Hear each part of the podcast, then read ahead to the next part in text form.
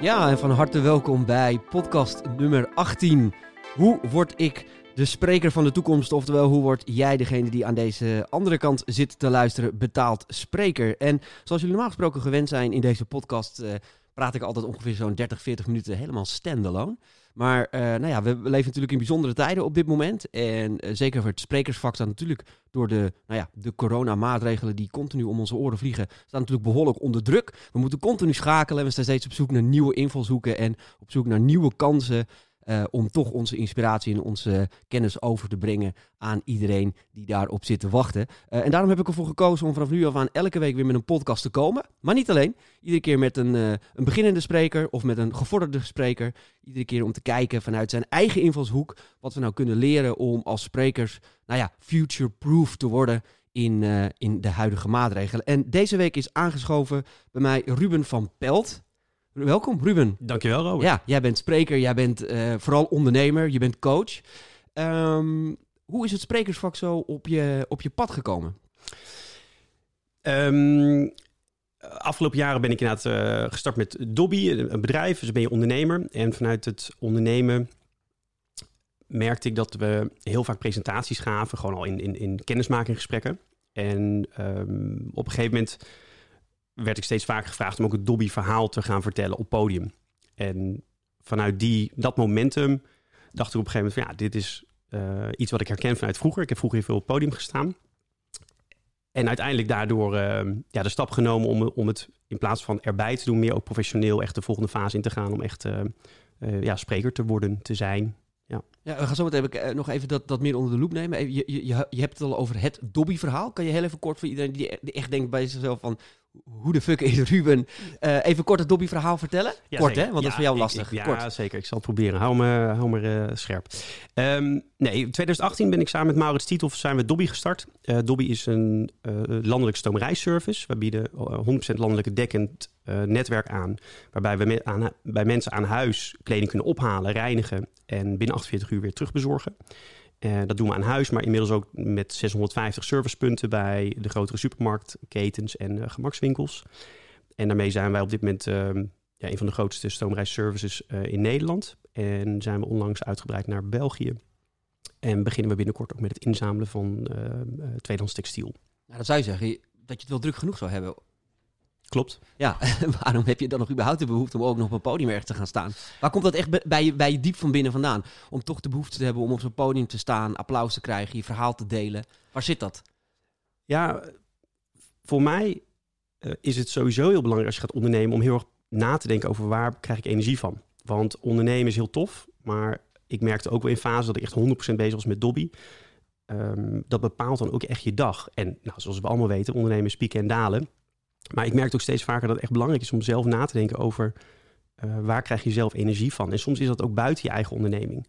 En ik vind het sowieso heel erg leuk om uh, met ondernemers in contact te komen, om gesprekken te voeren. Ik doe daardoor heel veel hei-sessies bij ons in Hilversum op de hei. Gewoon lekker wandelen, uh, ja, kletsen met de ondernemer. Um, en ook het sprekersvak heeft mij altijd heel erg aangetrokken. En niet zozeer vanuit het applaus en, en nou, wat je net noemde. Maar ik merkte gewoon dat het kennis overbrengen en zien dat het bij een ander, dat hij met die kennis net een, een trede verder kan komen. Ja, dat, dat maakt elke keer zoveel in mij los. En dat kan je dus één op één doen. Hè? Dus uh, gewoon in een normaal gesprek, gewoon met vrienden en, en, en, mensen die je kent. Dat kun je ook in het coachen doen. Maar dat kan je natuurlijk ook op een podium doen, waardoor je dan het ja, veel meer mensen in één keer kan bereiken. Ben je meer ondernemer of ben je meer spreker? Of zit daar geen verschil in? Ik denk vanuit mijn passie uh, ben ik eerder een spreker. Oké. Okay. En als we dan eens kijken naar het ondernemerschap, hè? want uh, hoe lang ben je nu ondernemer? Sinds eind 2017. Okay. Maar ja, ben, dat, ik bedoel, officieel ben je ondernemer. Ik ben altijd heel ondernemend geweest. Ja. Ik vind altijd, het ondernemer is een soort vinkje wat je nog moet halen of zo. Ingeschreven bij de Kamerverkoop. Ja, weet je, ja. ja. ja. dus, maar ik was daarvoor uh, vijf jaar eindverantwoordelijk voor een, uh, een grote stomerij. Ik, had, ik was uh, ondernemer in loondienst, zeg ik altijd. Ja. Maar dat gaat al mijn hele jeugd terug, tot, tot jongs af aan, dat ik heel ondernemend was. Dus dat ondernemen ben ik eigenlijk altijd wel geweest. Um, eind 2017 na de uh, ingeschreven bij de ja. Kamerverkoophandel. Maar ondernemen zeggen mensen altijd het leukste wat er is, want het geeft je ontzettend veel vrije tijd en je kan kiezen wat je wil en je verdient bakken met geld. Maar ik hoor in jouw verhaal eigenlijk dat het in de praktijk helemaal niet zo is. Uh, ik ken geen enkele ondernemer die zegt dat je met ondernemen heel veel vrije tijd uh, hebt. Nee, ondernemen is keihard werken. Is keihard werken en het is heel leuk. ik denk dat ondernemen leuk is voor mensen die het gevoel hebben dat ze het op hun eigen manier willen doen. En ehm, voor mezelf betekent dat ook het op mijn eigen manier willen doen, maar ook niet zeker weten of dat dan juist is, maar juist dat leuk vinden. Is, dat, is dat altijd de, de drive van ondernemers, het op je eigen manier willen doen? Of is het vaak ook gewoon een onwijze interne bedwijzingsdrang? Om iets neer te zetten, om, om, om, om, om iets, uh, iets te creëren, iets te maken, maar vooral ook om te zeggen van jongens, bam, het, is, uh, het is me gelukt. Ja, maar dat hangt er heel erg af dat is hetzelfde over het sprekersvak. Je hebt niet één type, denk ik. Je hebt, je hebt heel verschillende type ondernemers. Je hebt ook ondernemers die starten vanuit een maatschappelijk uh, punt. Hè. Um, voor mij was het ondernemen iets wat ik al vanaf jongs... Ik wou, vanaf mijn 23e wist ik zeker, ik wil gaan ondernemen. Toen heb ik letterlijk genoemd, voor mijn 35e heb ik een eigen onderneming. En op mijn 34e ben ik die gestart. Oh, grappig. Dus ondernemen was voor jou echt een uh, concreet doel, ja. zeg maar. Ja. Okay, dus ja. het is niet iets wat, wat organisch is gegroeid. Dat was echt een concreet doelstelling. Dat was echt een concrete doelstelling. Alleen ik wist gewoon nooit waarin. Dus ik, ik had altijd geleerd ondernemen, dat moet iets zijn wat heel dicht bij je ligt. Oh. Maar ik speelde piano toen destijds, ik was een muzikant. En toen kwam er een transitie waardoor ik nou, uh, terugkwam naar Nederland en, en, en um, um, bedacht, nou dan ga ik ondernemen. Maar toen dacht ik, well, ja, moet ik dan een pianowinkel gaan starten of zo? En toen dacht ik, nee, dat, dat, daar, daar word ik niet heel blij van. En toen heb ik wel besloten van, oké, okay, ik wil het, maar ik ga gewoon kijken, wat kan ik nu doen? En voor mij was een hele logische stap, ga gewoon werken. Dus ik was, ik was eindverantwoordelijk voor een, vestiging uh, in het management. En ik dacht, vanuit die kennis ga ik vanzelf wel dat aha-moment krijgen. Ja, dat duurde mij wel hartstikke lang. Maar dat was altijd in mijn achterhoofd wel het altijd zoekende naar... Um, waar liggen de kansen? Ik weet nog heel vaak, dan reed ik gewoon over de snelweg... en dan ging ik gewoon kijken naar al die industrie... op, op de industrieterreinen gewoon naar welke bedrijven er zaten. Om gewoon te kijken van, nou, zou ik dat dan kunnen doen? Of zou ik dat kunnen doen? En dat, dat punt kwam eigenlijk nooit. Totdat ik dus in de stoomrijwereld terecht kwam. Um, en via die weg mijn aha-moment uiteindelijk had. Toen dacht ik, hé, hey, maar dit is het dan. En met het spreken is het denk ik hetzelfde. Dus ik heb altijd wel uh, het, het, het, gevoel gehad dat ik een verhaal heb wat ik kan vertellen. En waar iemand anders wat aan zou kunnen hebben. En ik zeg altijd, uh, gewoon een trede verder kan brengen. Um, en het is dezelfde manier. Je wordt niet zomaar in één keer spreker. Het is niet zo van, nou, vandaag kies ik daarvoor en, en, en morgen ben je het. Nou ja, ik, vind wel, ik vond het wel belangrijk om ook naar voren te halen, omdat heel veel mensen altijd het idee hebben bij ondernemers. Tenminste, ik hoor dat vaak terug. Hè, van joh, god, ja, maar jij hebt toch een prachtig leven. Hè? Want je, je, je hebt vrijheid en je verdient geld en je hebt een mooi bedrijf. En mensen kijken altijd naar het eindresultaat en nooit naar de weg die je hebt afgelegd om daar, om daar te komen. Mensen realiseren vaak niet dat, dat je daarvoor uh, jarenlang geen geld hebt verdiend, uh, enorm veel geld hebt moeten investeren, enorm vaak op je bek bent gegaan, heel vaak weer op hebt moeten klimmen.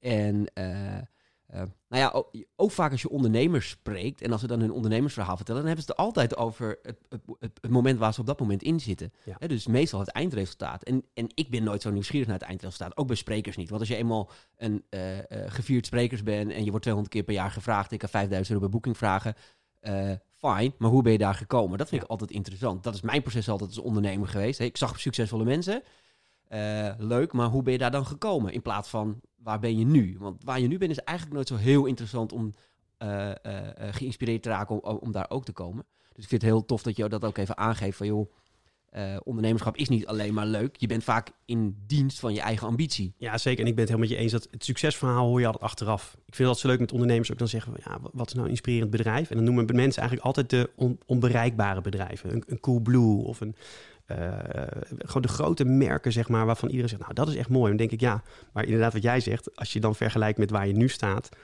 um, heel veel bedrijven zijn heel succesvol bezig, maar hebben het echte succes nog niet behaald. En ik denk dat je veel beter je inspiratie kan halen van inderdaad de weg ernaartoe. Of juist praten met ondernemers die een beetje in dezelfde fase zitten. Of net mm. één stapje verder zitten dan jij. Um, want inderdaad, bijvoorbeeld een spreker die nu 200 keer geboekt is. Ja, dan moet je denk ik, is heel moeilijk om je mee te vergelijken. Tuurlijk, ja. Die is, die is er misschien al vijf jaar mee bezig of al tien jaar mee bezig. Um, nou ja, dat gaat ook over concrete doelstellingen maken. Ik bedoel, uiteindelijk mag je wel ergens een stip op de horizon hebben. Dat je zegt van, joh, ik wil inderdaad uiteindelijk 200 keer per jaar geboekt worden. Kijk, nou goed, uh, in al mijn podcasts heb ik het heel vaak over het sprekerskompas gehad. Hè, van hoe, hoe uh, wat wil je nou echt en waarom wil je dat? En uiteindelijk denk ik dat alle sprekers die uh, naar deze podcast luisteren, die, die, die, die kompas van zichzelf een keer gemaakt hebben. Dus als daaruit komt dat jij je geluk haalt uit 200 boekingen per jaar, en dat is jouw stip op de horizon, dan mag dat. Maar inderdaad, wil je, ben, je, ben je nog niks en wil je naar die 200 boekingen per jaar, kan je wel focussen op die spreker. En kijk wat hij allemaal aan het doen is. Alleen hij heeft vaak 10, 15 jaar ervoor gehad. Ja. Uh, om, om, op dat punt te komen. Dus ga inderdaad nu eens kijken naar welke sprekers zijn er een paar stapjes verder dan ik. Dus welke doen er nu 20 boekingen per jaar? We, we, slaan hem nu heel plat door alleen maar te kijken naar de, ja, het aantal aantallen, boekingen. Ja, nee. uh, maar ja, heel eerlijk, toch gaat het daar vaak wel om. Hè, hoeveel boeking heb je dan per jaar? Kan je ervan leven? Kan je er een boterham van maken? Zit er een, uh, een opbouwend proces in? Maar inderdaad, dan is het heel verstandig om eens te kijken van... God, welke spreker zit er nou net even iets boven mij? En wat, wat heeft die het afgelopen jaar gedaan? En welke stappen heeft die, die gemaakt? Dus dat is, een, dat is een, inderdaad een hele interessante tip... die jij ons al gelijk op deze podcast meegeeft. Ruben, jij bent um, een ervaren spreker... maar staat aan het begin van je sprekerscarrière... Toch, om het zo maar even te zeggen. Ja, dat zeg je, ja, dat zeg je mooi. Ja, nou ja, het is niet dat jij weet het, geen ervaring hebt met het spreken. Maar uh, eigenlijk heb je pas sinds kort besloten... oké, hier wil ik echt een volgende stap in gaan maken. Professioneel gezien, commercieel gezien. Um, en dat vind ik eigenlijk wel heel... Daarom heb ik ook als een van de eerste uitgenodigd in deze podcast... omdat er zo ontzettend veel sprekers in dat proces zitten. Van uh, ja, ik heb heel vaak op een podium gestaan. Ja, ik vind het super tof. Ik merk dat het iets, iets, iets interns met me doet. Uh, nou ja, welke drive er ook achter zit, dat mag iedereen voor zichzelf invullen. Dat maakt ook verder helemaal niet uit. Um, uh, en dan, nou ja, goed, dan kom je al snel bij Robert de Vries uit natuurlijk. Jij ook. Ja. Grapje natuurlijk. Maar um, Ruben, hoe kijk je nu naar dit proces? Want ik, ik, jij bent iemand die heel planmatig naar dingen kijkt. hoe heb jij voor jezelf nu het proces uitgestippeld? Uh, en misschien kan je daar ook al een beetje meenemen wat je stip op de horizon is. Uh, en en hoe, ga, hoe, hoe ga je daar naartoe bewegen? Uh, bedenk eventjes dat er nu iemand zit te luisteren aan de andere kant van de podcast die denkt, oh, ik wil, ik wil ook ja. dat podium op. Nou, ik gebruik één basisprincipe wat, wat ik nu zal toelichten, maar dat geldt eigenlijk voor heel veel dingen in het leven, is eigenlijk de trap. En iedereen die mij kent, heeft die trap wel een keer bij mij gehoord. Dus ik teken gewoon letterlijk een trap en uh, bovenaan die trap zet ik eigenlijk mijn like scenario. Dat is bijvoorbeeld inderdaad um, fulltime spreker zou fantastisch zijn. En hoeveel dat dan is, en dat heb je in de vorige podcast ook wel vaker toegelicht, ligt eraan hoeveel heb je nodig, hoe vaak wil je op het podium staan, wat, wat is een beetje de balans voor jezelf. Ik denk voor mijzelf in de toekomst, als ik tussen de 50 en 100 keer op podium mag staan per jaar, dan, dan ben ik een heel blij mens. Um, dus dat zit je bovenaan die trap. En dan bepaal je gewoon, waar sta ik nu? En daar moet je gewoon heel eerlijk over zijn. Dus misschien sta ik nu wel op die trap gewoon op de, op de tweede of de derde treden. En dan is voor mij, um, uh, uh, wat er vaak gebeurt bij mensen, is als die afstand tussen de treden waar je staat en het eindresultaat, dat kan heel erg uh, beklemmend voelen. Dus dan eigenlijk dat je denkt, wow, maar dat, dat is zo ver weg. Um, sommige mensen bevriezen dan letterlijk. Hè, van, er komt er niks meer uit mijn handen, want ja, ja ik moet zoveel stappen zetten. Want benoem die tweede treden is waar je nu op staat? Ik denk dat ik nu... Um, ik heb denk ik zo'n zo'n zo'n zo'n 15 lezingen gedaan. En ik denk dat ik nu zo'n vijf keer betaald, uh, betaalde lezingen heb gedaan. En nou, dat zet mij een soort van. Uh, en ik ben natuurlijk fulltime ondernemer, dus ik moet ook combineren. Dat, dat wil ik ook heel graag combineren. Um, en ik denk dat, dat voor mij, ik denk dat ik wel iets hoger sta op die trap. Omdat ik wel ervaar dat ik. Ik heb bijvoorbeeld afgelopen jaar, denk wel, wel 100 presentaties gegeven. Maar vaak dan aan CEO's van bedrijven waar je naast elkaar zit. Maar in principe is dat een fantastische leerschool. Dus daar besefte ik ook wel, of het overbrengen van kennis of het overbrengen van een verhaal, um, dat zou je ook één op één net zo goed moeten doen als, als, als voor een publiek van 100 of 200 of 300 man. Dus daar kwam wel mijn besef van, oké, wat jij zei, ik ben eigenlijk een hele ervaren spreker, maar in de vorm van het, het, het betaalde sprekerschap, zeg maar, de ambacht, daar ben ik echt beginnend nog in. Dus hoe, hoe zorg je nou voor meer boekingen? Hoe zorg je nou voor dat je bij uh, bedrijven de mogelijkheid krijgt? Welke tarieven horen daarbij? Hoe combineer je dat nou? Waar moet je dan op letten? En hoe, uh, en hoe doe je dan je research? Want dat is natuurlijk wel interessant voor bepaalde sprekers die echt met hun handen in het haar zitten. Ja. God, ik weet niet waar ik moet beginnen. Waar, waar, waar, doe je je research en, en hoe begin je? Nou, mijn stappen waren dus uiteindelijk eerst bepalen dat je dat wilt. Dat is denk ik de allerbelangrijkste. Als je iets wil, dan doe je het. En als je het dus niet doet, dan wil je het blijkbaar niet. En dat vind ik echt gewoon heel belangrijk voor iedereen die luistert nu. nu. Dus zeggen ik wil dat doen, uh, dat is heel leuk. Dat doen heel veel mensen. Ik wil een wereldreis of ik wil uh, veel geld verdienen. Maar um, als je het echt wil, dan ga je ook die stappen ondernemen. En het is dus helemaal niet erg als je jezelf betrapt op dat je dat niet doet. Maar blijkbaar wil je het dan misschien nog net niet. Dus mijn eerste vraag was echt, wil ik dit nu echt doen? En daar wist ik eigenlijk heel snel, ja, dat, dat wil ik echt doen. En toen kwam voor mij de volgende vraag, oké, okay, maar hoe dan? Dus toen ben ik zelf in mijn eigen netwerk gewoon actief dat gaan benoemen. Van joh, ik wil dat gewoon meer gaan doen. Uh, als ik een lezing had, benoemde ik dan ook heel duidelijk van joh, ik wil dat eigenlijk meer doen. Ook gewoon op het podium. Vroeg ik gewoon aan de mensen die aanwezig waren. Ik wil dit vaker doen. Uh, ken je nog mensen? Uh, dit is gewoon mijn, mijn droom. Gewoon ook echt manifesteren wat je, waar je naartoe wil werken. Ja, want hoe het bij jou ontstaat is eigenlijk wel een beetje een klassieke verhaal. Hoe het bij veel ondernemers en mensen ontstaat is, hey, eh, eh, je start een bedrijf, uh, dat, dat, dat, dat, dat haalt het nieuws, dat staat in de spotlight. mensen kijken, wie zit daarachter? Nou, dat ben jij en, en Mauders in dit geval. Um, nou ja, jij bent dan degene die naar voren geschoven wordt om een presentatie daarover te geven. Dat voelt lekker, dat, dat, dat, dat smaakt naar meer. En eigenlijk organisch ontstaat er een behoefte om, om dat podium op te klimmen. Ja, maar dat, dat is meer het Dobby-verhaal. En, en ik merk dus steeds vaker dat, dat daar hebben we heel veel lezingen over gegeven. Ook mhm. Maurits trouwens hoor. Dus absoluut ook, ook, dat we het heel vaak samen doen.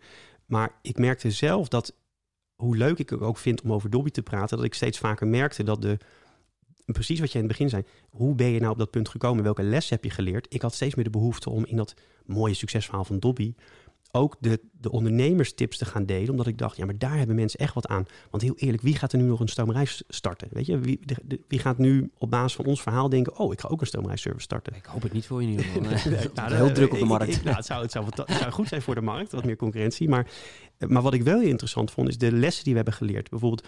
Uh, hoe bepaal je nou welke richting je kiest? Uh, uh, hoe ga je nou om met tegenslag? al dit soort zaken.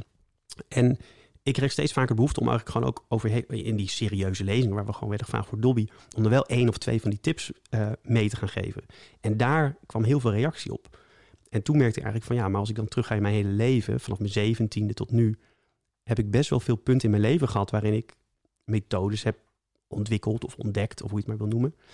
Um, die ik, als ik dat deel met iemand, dat ik steeds vaker merk dat iemand dan een, een dag later of een week later zegt: hé hey joh, dat heeft me echt aan het denken gezet. En dat gevoel, dat is dus veel groter dan applaus. Applaus is heel leuk, hè? dat is een goede grap maken, dat is hartstikke mooi. Maar wanneer je iemand naar die volgende treden kan brengen in zijn leven, ik merk dat dat intrinsiek met mij heel veel doet. Dus de reden ook waarom ik eh, meer wil doen met het sprekersvak, is eigenlijk ook uh, meer gebaseerd op dat intrinsieke gevoel. Het, het, het, het door mogen geven van, van iets wat ik zelf heb ervaren maar dan wel loslaten. Iemand anders moet er wat mee doen. Dus het is oké als hij er niks mee doet of wat hem niet verder brengt. Maar ik merk dat het wel super mooi is als iemand zegt: hey, ik ben een treden verder gekomen daardoor. Maar, dan besluit je dus op een gegeven moment: oké, ik, wil professional spreker worden. Uh, wat is dan je eerste stap? Ga je eerst. Uh, want dat merk ik bij heel veel sprekers bijvoorbeeld, ook bij muzikanten overigens. Bij heel veel artiesten is dat ze eerst heel erg met de vorm bezig gaan. Dus oké, dan moet ik nu eerst een lezing van een uur in elkaar gaan zetten. Net zoals vaak muzikanten denken, ik moet eerst het perfecte liedje hebben, dan pas uh, kan, ik, uh, kan ik aan de slag. Waardoor ze vaak een hele leven bezig zijn met het perfecte liedje die nooit komt. Uh, vaak ook met sprekers die dan een hele leven bezig zijn om een heel fantastisch verhaal te maken, die dan uiteindelijk nooit komt. hoe, hoe ben jij aan de slag gegaan? Denk je dan eerst marketing-wise, denk je eerst inhoud? Nee, wel, eerst, we zijn, we zijn, we, ik heb de baas gepakt gewoon van het, het, het Dobby-verhaal. En, en we hebben wel, laten we eens eerlijk zijn, niet elk ondernemer heeft gewoon een heel uh, interessant verhaal. Soms is het ook gewoon, ik ben een webshop begonnen, dat ging heel goed en daar heb ik gewoon heel veel geld mee verdiend. En ja. dan hadden we wat tegenslag met voorraad en dat was het. Met Dolby hebben we natuurlijk wel echt een heel uniek verhaal. Dat we echt een, een bestaande markt helemaal hebben gedisrupt. Uh, met twee corporates uh, als investeerders erachter. Er is heel veel gebeurd. We hebben veel prijzen mogen winnen. Um, dus dus dat, is een, dat is een verhaal, als we dat vertellen, het is echt een, wel een heel tof verhaal. Ja. En dat heb ik als basis gebruikt. Maar uiteindelijk Um, heel veel van mijn inspiratie komt ook uit, uit, uit cabaret. Dus cabaretiers. Ik vind dat eigenlijk de ambacht van spreken heeft heel veel weg, vind ik, van, van timing. Um, heel erg opletten wat het doet met je publiek. Uh, kijk, als jij een, een, uur iets vertelt, maar je merkt dat het publiek het niet interessant vindt. ja, uiteindelijk bepaalt natuurlijk het publiek wel of het aanslaat of niet. Dus je, bent een zender, maar eigenlijk zou het meer moeten gaan over de ontvanger. Dus, dus is hetgene wat jij overbrengt, slaat het dan aan? En uh, daar zie ik wel heel veel van de ambacht en, en, en de, de, de, de, theorie achter het spreken. Dus je moet wel om de zoveel minuten moet er wel iets in zitten waardoor mensen denken weer, hé, hey, ik ben er weer. Hè? Want uh, zeker met een uur moet je wel aandacht vast kunnen houden. Um, dus voor mij was het, is, het, is het wel een combinatie van... Oké, dus, dus eigenlijk had je al, uh, je vorm had je eigenlijk al. Hè? Je, vorm je had het basisverhaal ja. en, en, en vanuit, je, vanuit je ervaring, vanuit je skills kon je dat altijd plussen. Ja. Oké, maar even zakelijk gezien wat was dan je volgende stap? Hoe ben je uiteindelijk aan de gang gegaan? En, en, en kan je ons meenemen wat er nu uh, voor jou op de planning staat, bijvoorbeeld het aankomende jaar, ja. om jezelf meer uh, als uh, professioneel spreker te gaan positioneren? Ja. Nou, dus ik ben dus begonnen mezelf op die trap te zetten. Vervolgens ben ik gaan heel veel sprekers gaan volgen. Dus ik ben op LinkedIn heel actief. Dus ik heb, ik heb veel mensen ben ik gewoon gaan volgen om te kijken wat daar speelde. Want je ziet dat daar ook.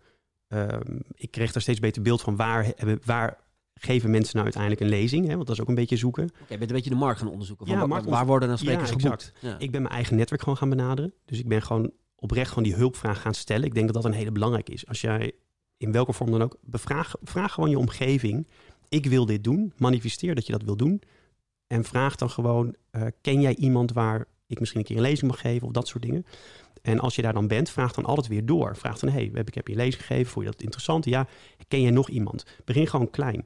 Vervolgens heb ik inderdaad jouw mail gestuurd. Hè? Dus in de, in de zomervakantie, volgens mij, eh, rond, rond die periode, heb ik op een gegeven moment besloten van, nou, ik merk dat ik, ehm, het is, het is niet voor niets dat daar professioneel sprekers zijn. Dus dan moet je ook wel beseffen, het is een echt een, eigen markt. Toen dacht ik, nou, wie beter dan de, de, de- het grootste boekingplatform eh, te benaderen. Dus toen heb ik jou benaderd.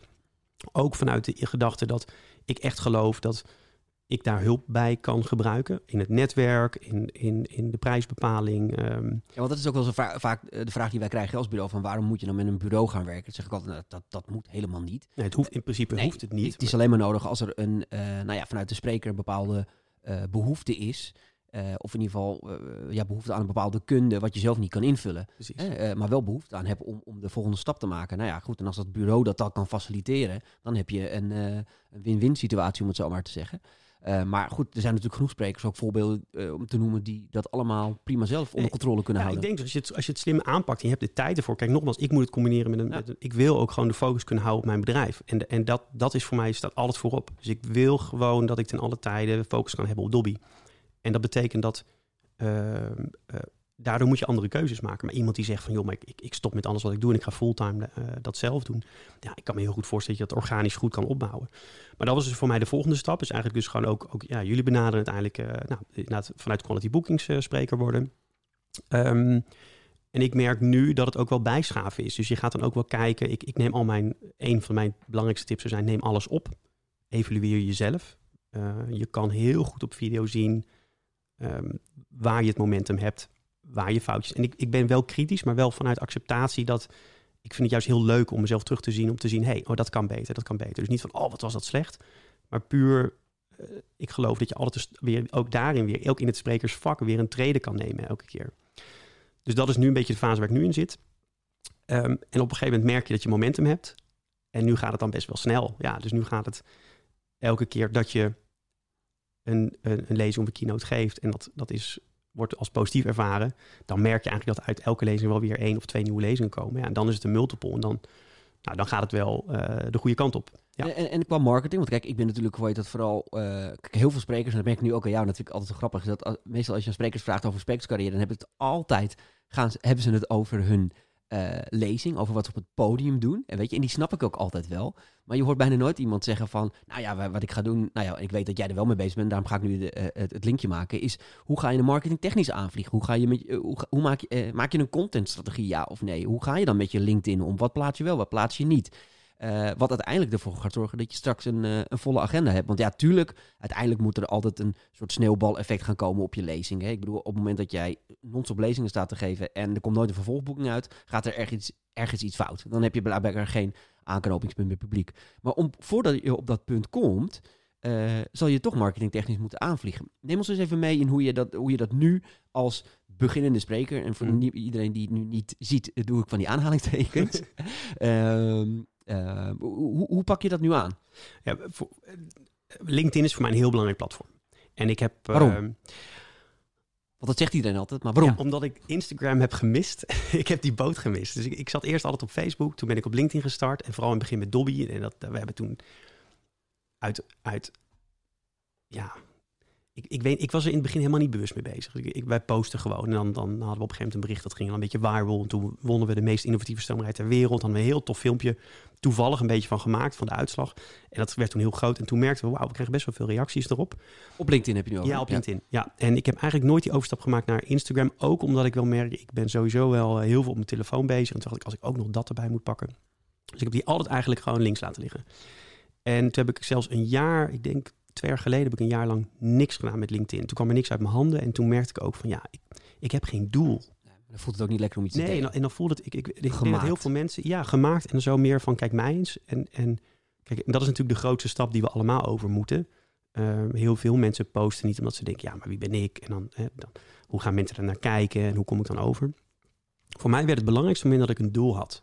En ik besefte op een gegeven moment dat elk gesprek waar ik nu kom, dus ik heb bijvoorbeeld vanmiddag heb ik weer een meeting, als ik daar kom, is vaak de eerste reactie dat mensen zeggen, joh, wat leuk, ik zag dit en dit en dit voorbij komen. Dus ik merk dat eigenlijk mijn netwerk ook, dat het een manier is om mijn netwerk mee te nemen in het verhaal waar we in zitten en wat we doen.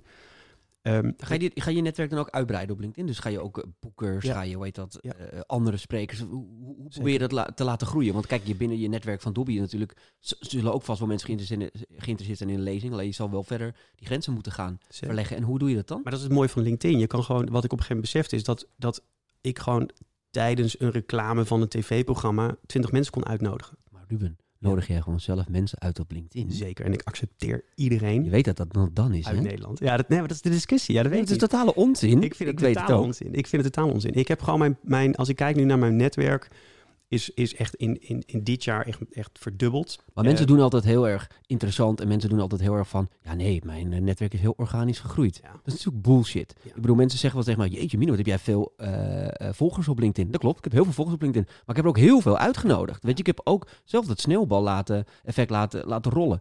En ik wil altijd al die clichés een beetje ook graag weghalen. Ja, ik ben het helemaal met je eens. mensen zijn doodsbang om... Oh, oh, ja, nee, maar ik ga er niet zomaar iemand uitnodigen. Die moet toch dan bij mij uitkomen? Dat is gewoon bullshit. Ik ben het helemaal met je eens. Ik, voor mij werd het doel op een gegeven moment... Ik, ik, uh, ik zag een aantal mensen op LinkedIn die, met een, die gewoon een hele grote following hadden. En een heel groot, daardoor een heel groot bereik. En ik besef natuurlijk, met Dobby betalen wij ontiegelijk veel geld voor bereik. Elke keer weer. En toen dacht ik op een gegeven moment, wij werkten met heel veel influencers samen. En die hadden dan uh, 100.000, 200.000, 500.000.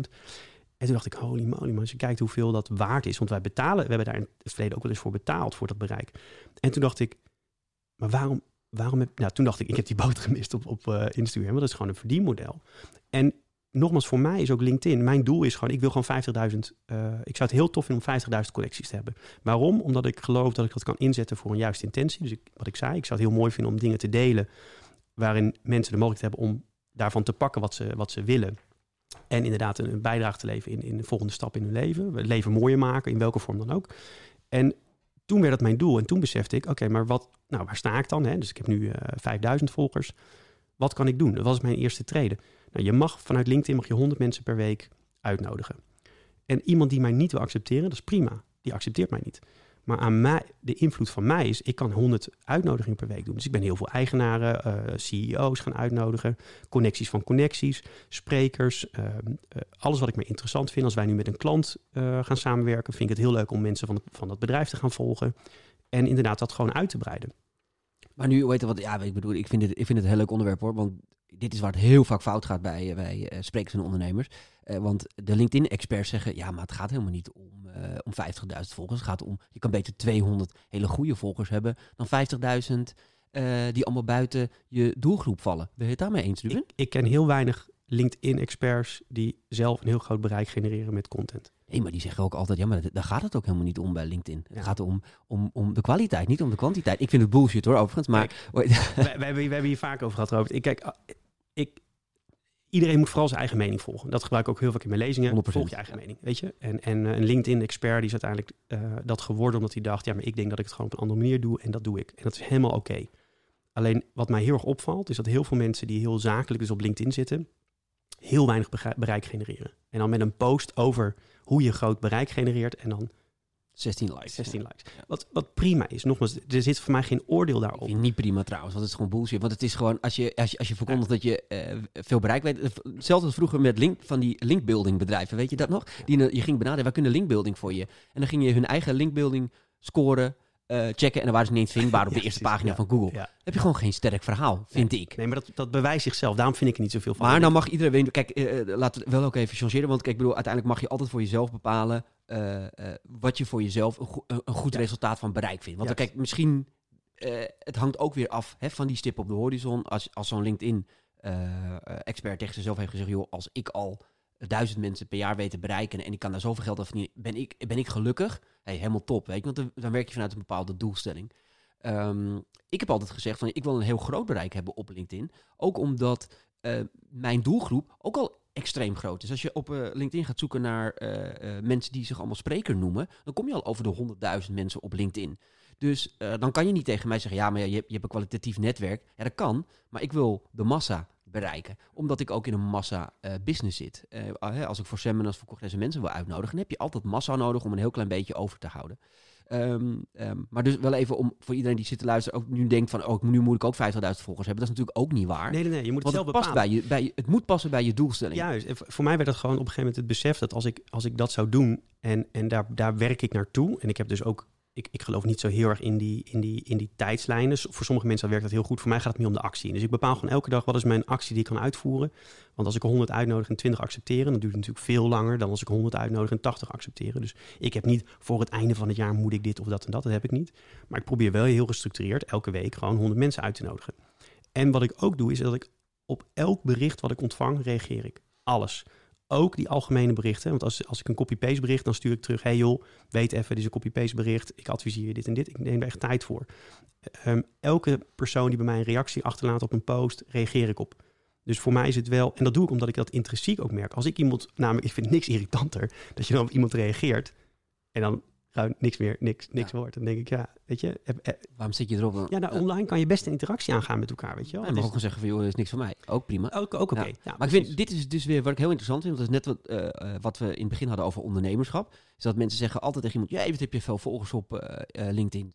Maar kijk je niet naar wat je ervoor hebt gedaan. Jij bent ook Omdat- met 100, 100 begonnen. Je hebt ooit heb jij gewoon 100 gehad. En, Zeker, en ik heb, al, ik heb maar uit, eh, ook, ook, ik denk dat ik al 15 jaar lang, op, misschien wel 20 jaar op LinkedIn zit, ik weet het niet. Maar weet dat, toen heb ik ook op een gegeven moment een stip op de horizon geplaatst. Ik wil gewoon naar zoveel eh, bereik toe. Omdat ik merkte dat het werkte. En iedere Ja. keer als je van 100 naar 200 ging, had je meer bereik, kreeg je meer werk uit. Ehm, en zo ben ik hem gewoon gaan stapelen. Maar ja, inderdaad, ik heb ook altijd reageren. Je moet altijd tussendoor mensen uitnodigen, accepteren. Ehm, en eh, ja, dat, dat kost gewoon onwijs veel werk. Ja. Dus sta je niet alleen maar blind op van, ja, jeetje, Mine, die heeft 40.000 volgers. Nou, dan, dan zal ze er heel hard aan gewerkt Ja, hebben om dat voor elkaar te krijgen. Ook het, het wat, ik zelf eh, ook wel eens tegenaan loop, het dagelijks posten, het, het, het continu weer iets verzinnen om eh, online te plaatsen, zonder dat het een soort repenterend dingetje wordt. Hè? Want dan merk je al snel, als er geen ziel in je bericht is, dan, dan, dan, dan bereik je er niks mee. Nee, maar dit is ook weer het advies van dagelijks posten. Ik doe dat ook niet. En ik doe gewoon, ik probeer één à twee keer in de week. Maar ik vind het ook helemaal oké. Stel dat ik nu een maand niet zou posten, vind ik dat ook oké. Want je moet vooral elke keer teruggaan naar wat voel ik. En soms is dat het gevoel van, ehm, eh, shit, ik ben eruit. Ik moet er weer even instappen. Maar soms is het ook gewoon, ja, ik ben heel hard aan het zoeken naar wat ik nou moet posten. En dan denk ik, joh, post dan gewoon lekker niet. Precies. Want voor die andere persoon, die zit echt niet vandaag te wachten. Oh, nou, wanneer gaat Ruben weer wat posten? Nee. Dat is niet zo. Dus voor mij is het ook wel... ehm, ehm, doe, check gewoon je gevoel, maar wees dan eerlijk over je gevoel. Waarom post je wel, waarom post je niet? En het tweede wat ik wel heel erg heb gedaan, is dat... Ik heb heel erg besloten om... Het is voor mij lange termijn. Hè, dus ik, ik, ik, ik werk ergens naartoe vanuit die traders. En een van de dingen is dat ik doe, is probeer wel tijd en geld te besteden aan goede content. Dus bijvoorbeeld, ik laat al mijn alles wat ik doe, laat ik opnemen. En dat is ook niet gratis. Eh, eh, ik wil professionele foto's het liefste. Nou, dat is ook niet gratis. Dus ik probeer wel te kijken naar welke invloed heb ik nou op, op dat stuk. En ik probeer dat zo goed mogelijk te doen. Maar ik gun mezelf ook de rust en de tijd. Ik mag het wel in de tijd leggen. Doe gewoon elk, liever gewoon elke keer dat die treden netjes doorlopen. Dan het gevoel dat ik voor het einde van het jaar bovenaan die trap moet zijn. Want dat is niet realistisch. En dat herken jij ook, denk ik. Dat is met elke onderneming. Kijk, op een gegeven moment kom je in zo'n moment en dan gaat het lekker.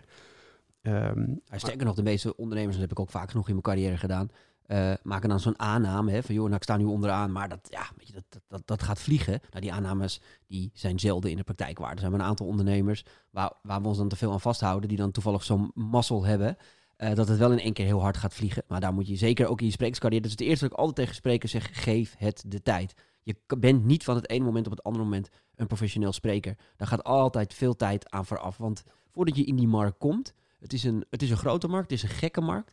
Ehm, maar er is niet voor niets een reden waarom er eh, in elk vakgebied maar een aantal sprekers het gelukt is om echt fulltime spreker daarin te worden. Dat komt omdat je die expertise moet gaan claimen. En expertise ergens in claimen heeft tijd nodig. En je zal die expertrol op een bepaald gebied moeten gaan, gaan pakken, gaan eh, vergroten, eh, veel content gaan leveren, interviews gaan krijgen. Weet je, uiteindelijk word je een expert op een bepaald gebied. Dat zal je zelf moeten gaan creëren, maar dat heeft altijd een, een paar jaar nodig. Dus, dat, dus sta je daar vooral niet blind op. Hè? Dat als het binnen het eerste jaar niet gelukt is. eh, want dat is vaak het, eh, het afhaakmoment van veel sprekers ook. Ehm, nou ja, dan begint het pas eigenlijk. Ja, en ik denk ook, nou, als je, uh, nou even over LinkedIn heel kort. En ik denk, mijn grootste les is geweest om gewoon heel persoonlijk te blijven op LinkedIn. Om gewoon echt je verhaal te vertellen. Dus het is heel leuk om over je onderneming te vertellen en welke klant je binnengehaald. Maar uiteindelijk is dan je doelgroep heel klein. Dus ik, ik gebruik altijd het voorbeeld met, uh, nou, stel je bent een bouwbedrijf en je laat een, een woning zien. Nou, dat is hartstikke leuk. Maar als je vertelt over de tegenslag dat je materialen er niet waren en hoe je ermee om bent gegaan. En dat het team tot drie uur s'nachts doorging om iets te fixen. Kijk, dat herkent elke ondernemer. Of dat herkennen zelfs ook mensen, in, gewoon niet eens alleen ondernemers. Dus ik denk, probeer ook wel na te denken over de content die je plaatst. Um, um, soms is dat weer heel mooi, hè? ga heel niche. Maar ik probeer gewoon echt vanuit Ruben te posten. Ik post vanuit Ruben. En als mensen dan doorkijken, dan zien ze... oh ja, ik ben ook eigenaar en medeoprichter van Dobby. Maar alleen maar over Dobby posten, dat is niet, ik ben niet Dobby, ik ben Ruben. En ik heb daar een verhaal. En ik ben dus inderdaad ondernemer, ik ben coach, uh, ik ben spreker. Uh, en daar probeer ik gewoon een variëteit in uh, te brengen. Maar ik probeer wel heel erg gewoon vanuit mijn ik te blijven praten. Ik denk dat dat wel een, een ding is. En met Dobby hebben jullie natuurlijk een, een markt helemaal op zijn kop gegooid. Als je nou eens naar de sprekersmarkt kijkt. Hè, en nou ja, uiteindelijk heb jij eigenlijk in, in de coronatijd besloten... van, oké, nu wil ik professioneel spreker worden. Eigenlijk ja, het slechtste moment die je had kunnen kiezen. Uh, alhoewel, ja. dat, is, dat is ook wel, hoe, hoe kijk jij zeg maar, vanuit jouw visie op de sprekersmarkt... en op de evenementensector misschien wel? Hoe denk jij dat zich dat de aankomende jaren gaat ontwikkelen? Gaat dat gewoon weer terugkomen zoals het ooit was? Of denk je dat daar, uh, nou ja, door corona echt wel een... Uh, een um, ja, een verandering gaat komen. Ja. Pas jij je daar je strategie op bijvoorbeeld al op aan? Jazeker wel. Ja, ik denk, dat, ik denk dat we allemaal moeten beseffen dat je boodschap online kunnen overbrengen wordt heel belangrijk.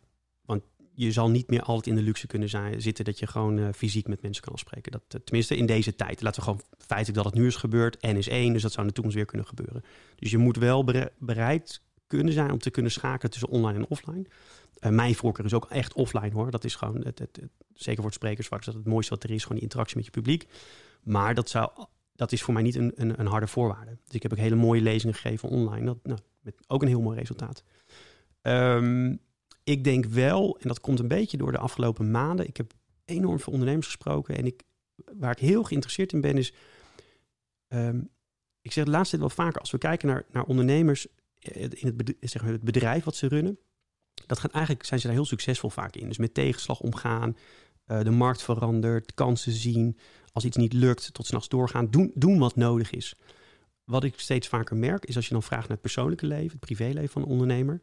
En dan zeg ik wel eens van vergelijk nou eens, dat is je tweede bedrijf. Of misschien eigenlijk moet het je eerste bedrijf zijn, dus gewoon je, je privé situatie. Heel veel ondernemers zouden dan failliet zijn. Dat vind ik wel interessant. Dus ik merk ook wel dat, ik, dat er voor mij meer aandacht zou moeten gaan naar de persoonlijke ontwikkeling van ondernemers. Dat, daar zit voor mij wel een hele grote passie.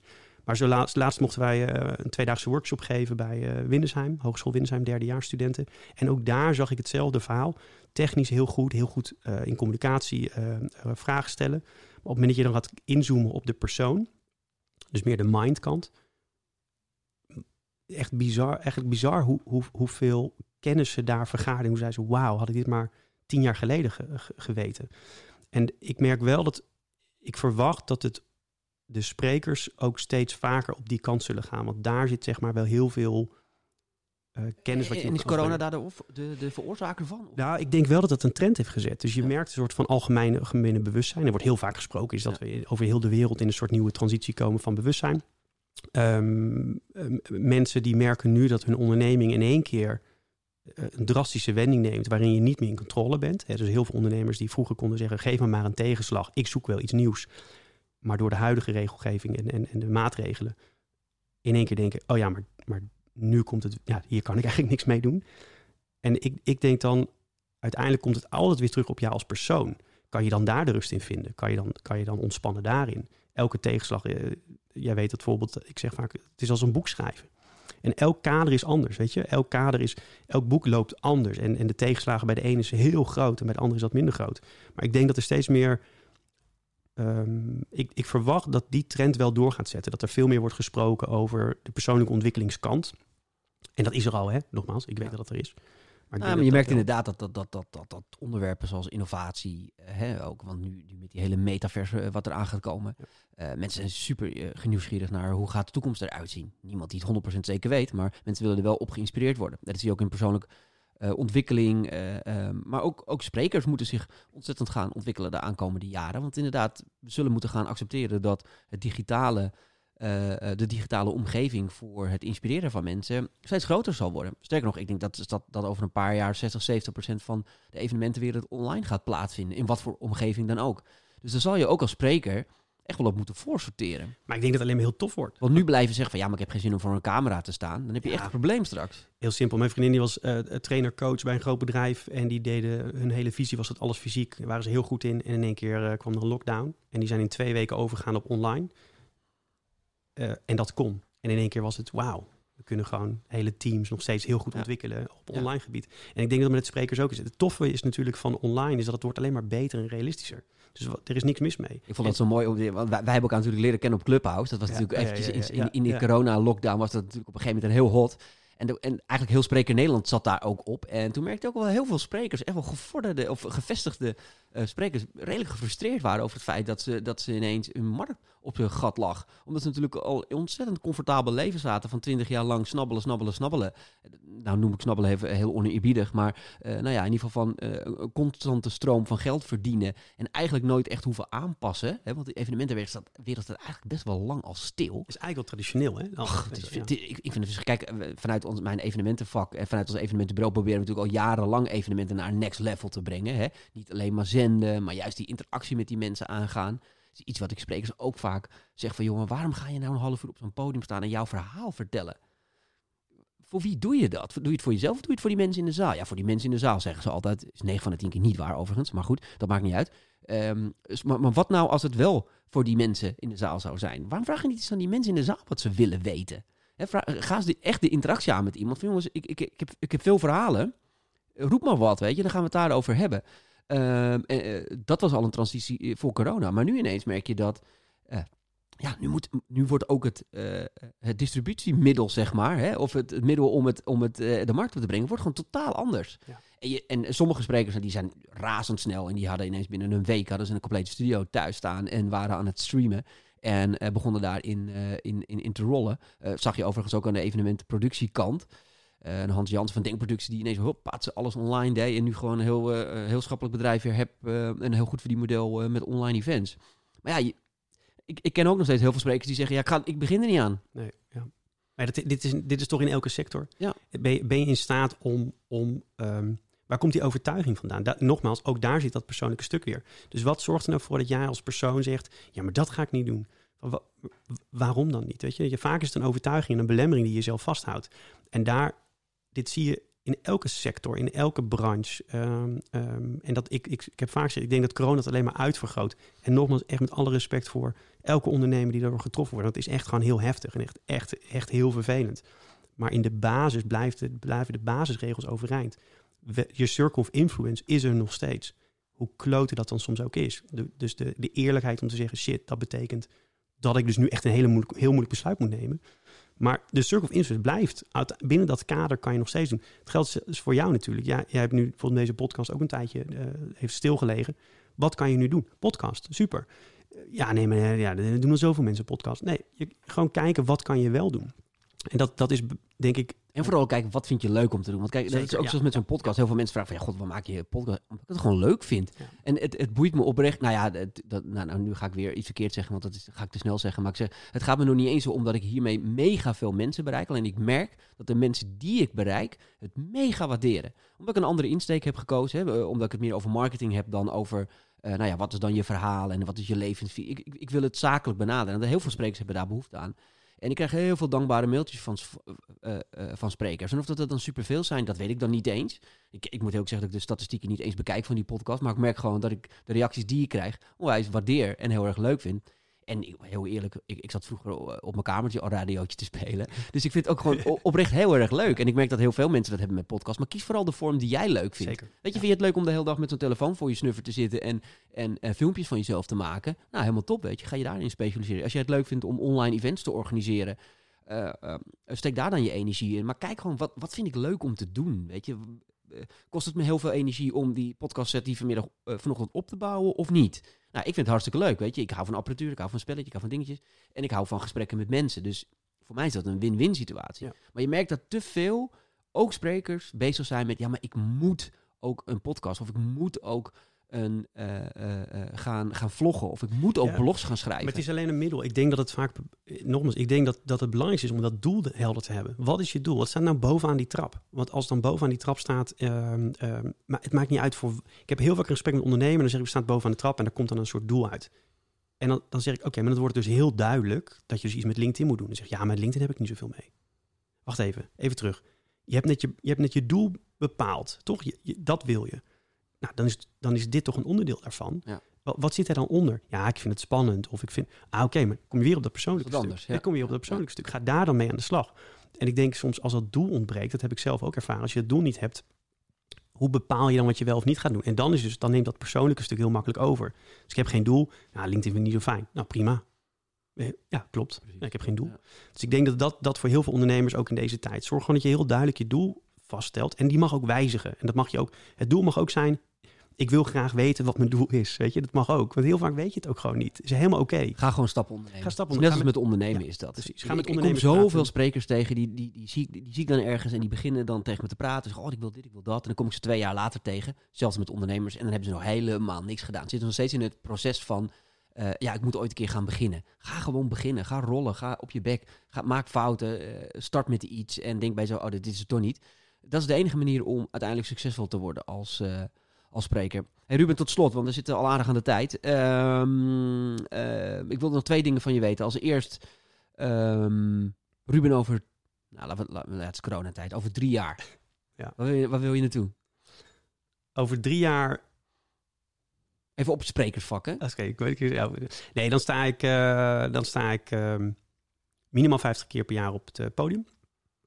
En dat combineer ik dan heel graag met coaching en, en workshops en trainingen. Heb je een evenement waar je van zegt van, daar zou ik ooit nog echt heel graag een keer willen spreken? Week van de ondernemer. Maar dan komt dat dat mijn eerste lezing, dat was mijn eerste event waarvan ik dacht, wauw. Bestaat dat nog eigenlijk? Weet ik niet. Nee, ik Was Volgens mij is het een paar keer gewisseld van, spon- van, van, van de sponsor. Nee, maar dat was wel de eerste keer dat ik dacht, dat, dat, ik, dat ik echt zo'n... Grote zaal, ja, veel Had ik ondernemers. zo'n klapboekje, weet je. Ja, en dan, ging ik echt, toen kwam ik echt thuis met echt twintig van die dingen. Wauw, wauw, wauw. En het heeft me ook oprecht, heeft me dat echt toen veranderd. Er waren echt heel veel goede tips waar ik toen echt van dacht, wauw, daar heb ik echt wat aan gehad. En toen was ik echt nog in loondienst en dacht ik, wauw, wat, wat tof dat ik hier gewoon mag zitten en mag leren van al dit soort mensen en, en, en, en, en, en, sprekers. Dus dat zou voor mij wel heel leuk zijn om een keer daar dan ja, dat cirkeltje rond te maken. Cool. Eh, tot slot, ehm, nog één tip voor alle beginnende sprekers die luisteren naar deze podcast. Wat is het allerbelangrijkste? Voor mij is het belangrijkste, teken de trap. Schrijf bovenaan die trap wat je wil bereiken. Bepaal heel eerlijk waar je staat op de trap. En zeg dan, ga dan opschrijven. Het liefste schrijf 50 dingen op die je naar het volgende treden gaan brengen. En doe ze dan. Ga daar gewoon echt actief eh, mee aan de slag. Top. Dankjewel, Ruben. Dankjewel, Robert. Jullie allemaal bedankt voor het luisteren weer naar deze podcast. Eh, vanaf nu van weer elke week. Ehm, mocht je bij jezelf denken, god, ik zou het toch wel heel erg leuk vinden als eh, Robert een keer die of die spreker in de uitzending zou, zou interviewen over zijn carrière. Hè, want we willen het vooral in deze podcast houden over hoe word je nou uiteindelijk een succesvol spreker. Eh, stuur me gewoon even een berichtje op LinkedIn. Ik reageer bijna altijd. Bedankt voor het luisteren.